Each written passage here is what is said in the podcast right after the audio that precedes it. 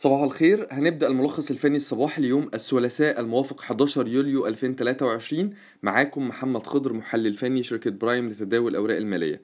مؤشر EGX 30 ارتد بقوة من مستوى دعمه الرئيسي عند 16500 بنسبة 2.46% الارتداد ده إيجابي إيجابي ليه؟ لأن هو نجح في إن هو يحافظ على مستوى الدعم الأهم عند 16500 وده معناه إن الاتجاه العرضي قصير المدى ما بين 16500 إلى 18100 لا يزال قائم. مستويات المقاومة الحالية تكون عند 17100 يليها 17300 بالنسبة لمؤشر EGX 70 آه، اللي نظرتنا عليه لا تزال سلبية بالرغم من الارتداد القوي خلال آه، تعامل الجلسة امبارح بنسبة 4.33 من 100% طب نظرتنا ليه سلبية؟ لأن هو لا يزال يتداول أو يتحرك أدنى مستوى المقاومة الأهم عند 3450 فمعنى كده إن الاتجاه الهابط قصير الأجل لا يزال قائم. عشان نغير نظرتنا السلبية الإيجابية لازم يكسر ال 3450 إحنا ميالين إن المؤشر يواصل الارتداد ليعيد اختبار آه، مستوى المقاومة عند 3450 إلا إن آه،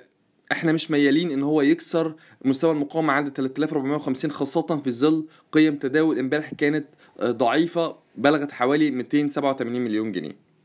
بالنسبة لملاحظات التداول النهارده أول حاجة عندنا Aspire Capital اللي هي ASPI اللي نظرتنا عليها إيجابية طول ما هي بتتحرك فوق مستوى الدعم. الأهم بالنسبة لها عند 27 قرش ممكن ترتد لمنطقه المقاومة بين ال 30 إلى ال 31 آه تاني حاجة عندنا المجموعة المالية هيرميس القابضة اللي نظرتنا عليها لا تزال إيجابية طول ما هي بتتحرك فوق مستوى آه 18 جنيه ممكن تعيد اختبار منطقة المقاومة بين 19 جنيه 30 إلى 19 جنيه 75 أخيرا عندنا جهينة اللي نظرتنا عليها إيجابية طول ما هي بتتحرك فوق منطقة الدعم ما بين ال 11.80 إلى ال 12 جنيه.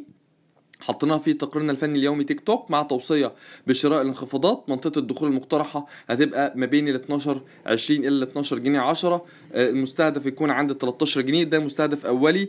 آه، وقف الخسارة زي ما قلنا عند ال 11 جنيه 80 شكرا.